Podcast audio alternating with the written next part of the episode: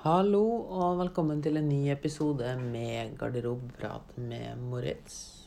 Episode 52, tror jeg. Hvis ikke husker Det kunne vært 51 eller 52, jeg er litt usikker. Som alltid. Jeg håper du har hatt en flott uke. Um, det har for så vidt jeg.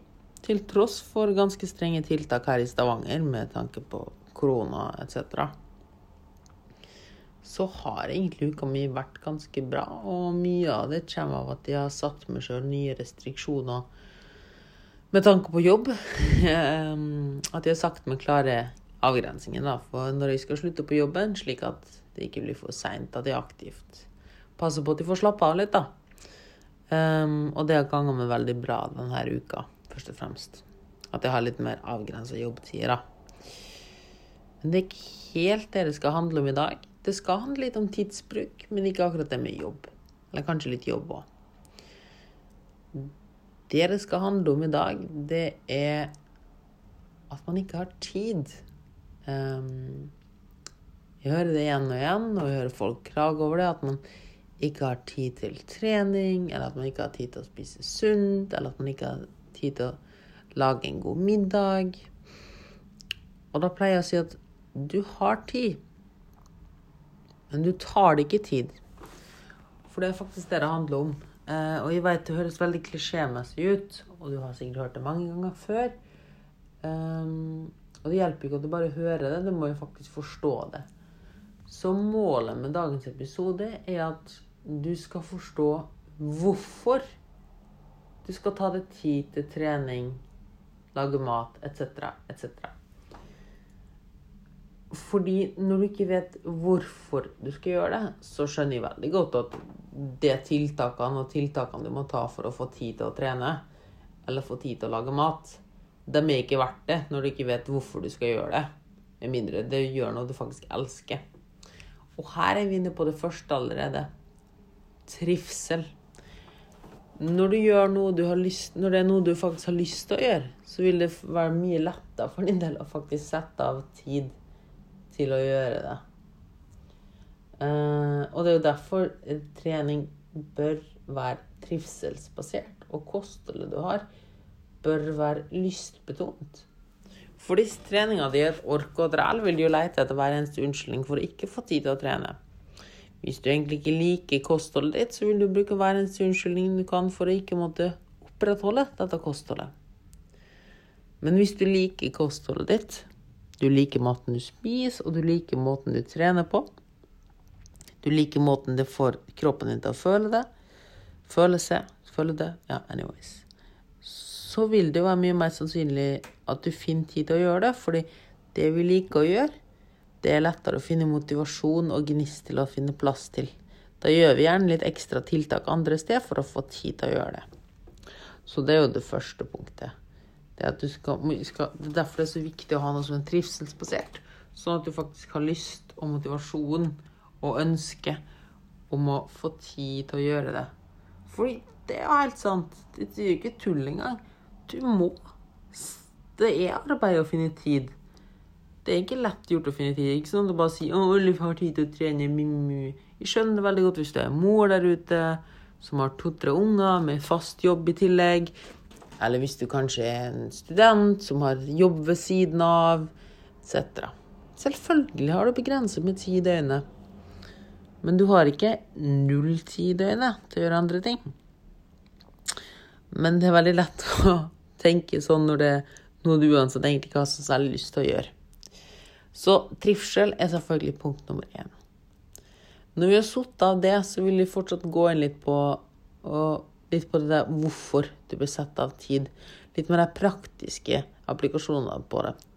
For det som er litt paradoksalt, er at når du tenker at du kaster bort tid på trening eller lager mat eller sånne ting, eller du ikke har tid til det, så tenker du gjerne ikke over effektene som du får av å spise sunnere, av å planlegge maten din, av å være i fysisk aktivitet. For en av de største effektene med dette her er jo at du blir mer produktiv. Du har mer energi i hverdagen. Og du bruker mindre tid på å ta valg. Hvis vi starter på kostholdet, da, apropos valg, så vil det at du kanskje setter av en halvtime hver kveld til å planlegge maten neste dag, sannsynligvis spare det for opptil en time eller to neste dag. Eh, fordi du slipper å gå rundt og tenke på hva du skal lage til mat. Du slipper å gå rundt og velge, du slipper å gå, tenke. Kanskje du slipper å gå til butikken til og med. Rett og slett for har sitte av tid dagen før på å planlegge. Så du investerer en halvtime, og dermed sparer du kanskje én til to timer neste dag. Og ikke minst så er det en annen ting du gjør, du sparer på viljestyrke neste dag. Som vi har snakka om tidligere, så er viljestyrken litt som et batteri. Når du allerede har tatt disse valgene kvelden før, så slipper du å bruke energi på det neste dag. Den energien kan du da bruke på å ta andre viktige valg. Kanskje på jobb, på møte, eller for å si nei takk til den sjokoladebiten som blir tilbudt deg, fordi du har igjen mer viljestyrke og mer energi. Og f.eks. ved at du planlegger frokosten din dagen før, og kanskje tilbereder den dagen før, så har du spart en god del tid neste morgen allerede. Ved å investere litt i kvelden før. Det andre er jo at du mest sannsynligvis vil ta bedre valg når du planlegger, med tanke på mat. Og når du tar bedre valg på maten, kan du tenke deg hva som skjer når du spiser sunt og passer på at maten du spiser, faktisk gir kroppen det han trenger. Du slipper å gå rundt og være sulten og fysen og tenke på mat der og da. Jo, du er mer produktiv på arbeid. Og når du arbeider, så arbeider du faktisk i stedet for å tenke over hva du skal ha til lunsj, eller tenke over hvor sulten du er, eller hvor lyst du hadde på den sjokoladebollen. Fordi kapitlet mat det har du allerede avklart i den halvtimen dagen før. Så igjen, du blir også mer produktiv fordi du vier maten mindre tanker når du setter av litt tid til å planlegge. Og så blir du ikke minst mer produktiv fordi du gir kroppen de næringsstoffene trenger. Fordi du har satt av tid i forkant til å sette sammen gode måltid. For hvis du skal gå sulten til kantina, er, eller i butikken, er sannsynligheten ganske stor at du velger noe som er litt mindre fornuftig. Som igjen gjør at du kanskje sliter med lavt blodsukker eller dårlig konsentrasjon og sånn lenger ut på dagen etter lunsj. Så du igjen kaster bort ganske mye tid og jobber mindre produktivt. Så det paradoksale er at du, bruker en halvtime. Så man kan jo si at ja, men jeg har ikke tid til den halvtimen. Ja, men tenk hvor mye du får igjen for å investere den halvtimen. Ikke sant? Det samme konseptet kan vi bruke på trening. La oss si at du trener Jeg kan faktisk ta eksempelet til min kjære kollega Therese. Eh, coach, nei, Therese coach et eller annet sånt på Instagram. Ja, jeg kan legge det i shownotene. Uansett så skrev hun det at hun, det er 178 timer i et døgn. Um, nei, herregud, i et døgn. Det er 170 La meg se, da, at jeg ikke lyver. 24 ganger 7. Det er, 100, det, det er faktisk 168 timer i en uke. Det skal ikke mye til å finne, få plass til tre timer.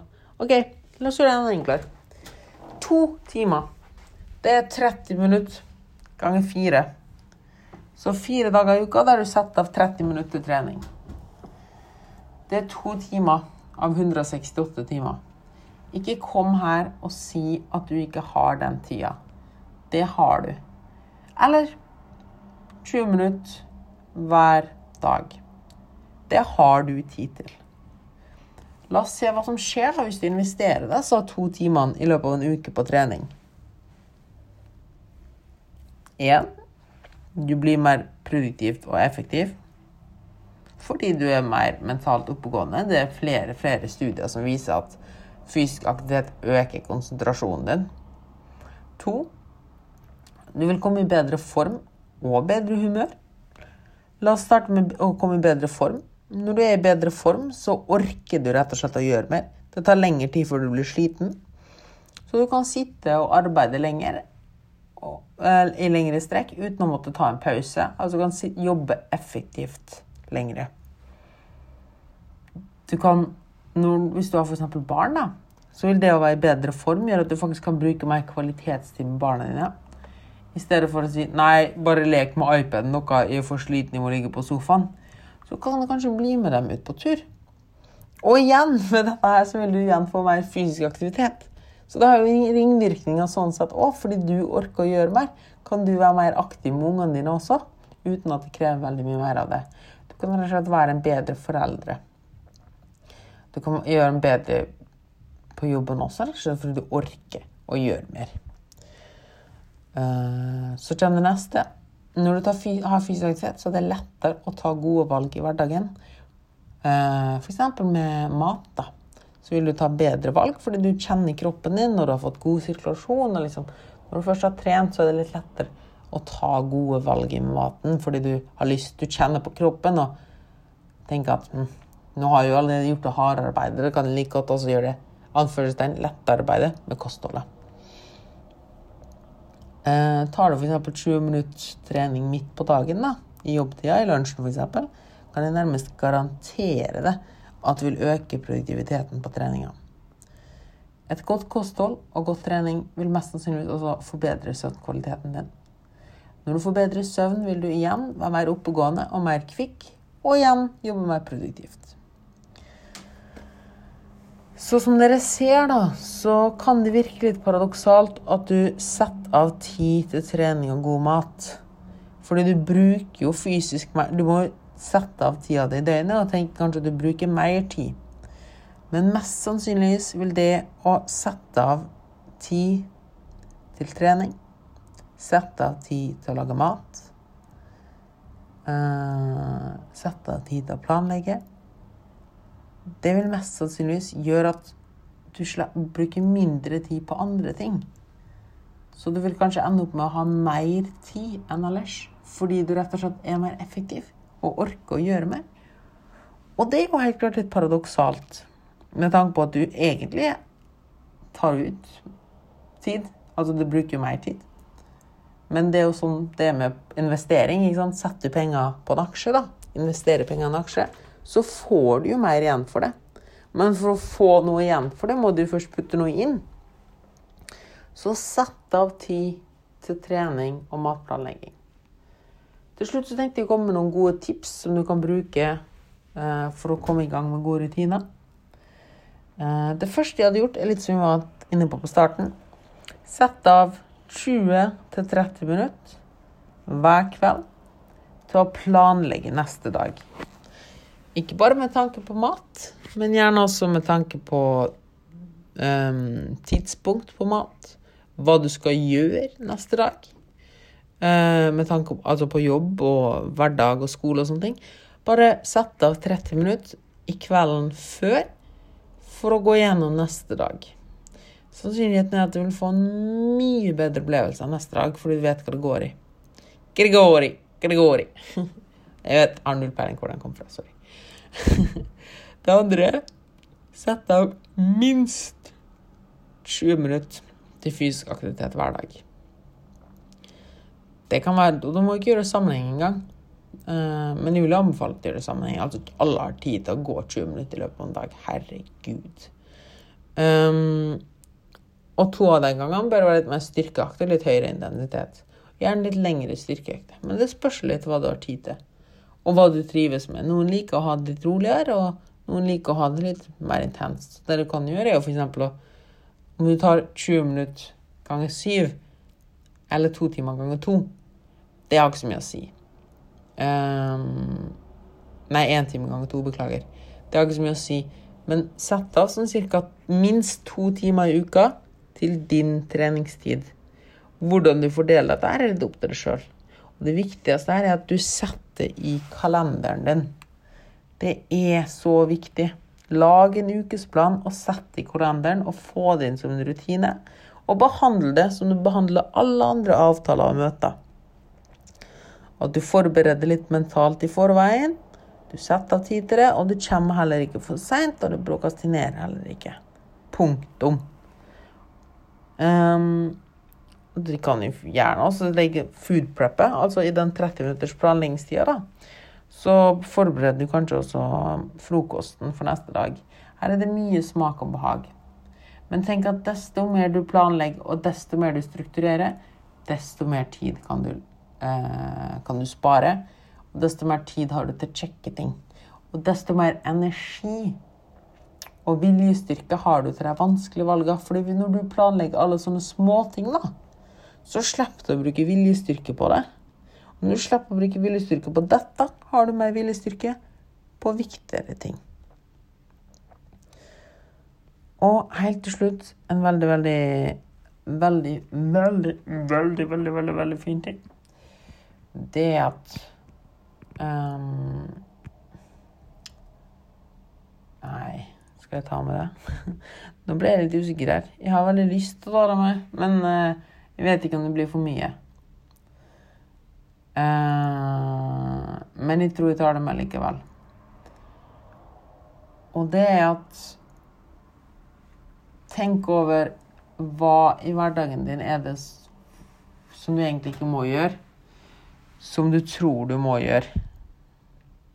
Gjerne, Sett gjerne på kvelden og reflektere litt over dette her. Og, tenk, og skriv ned en tidstyv som du har.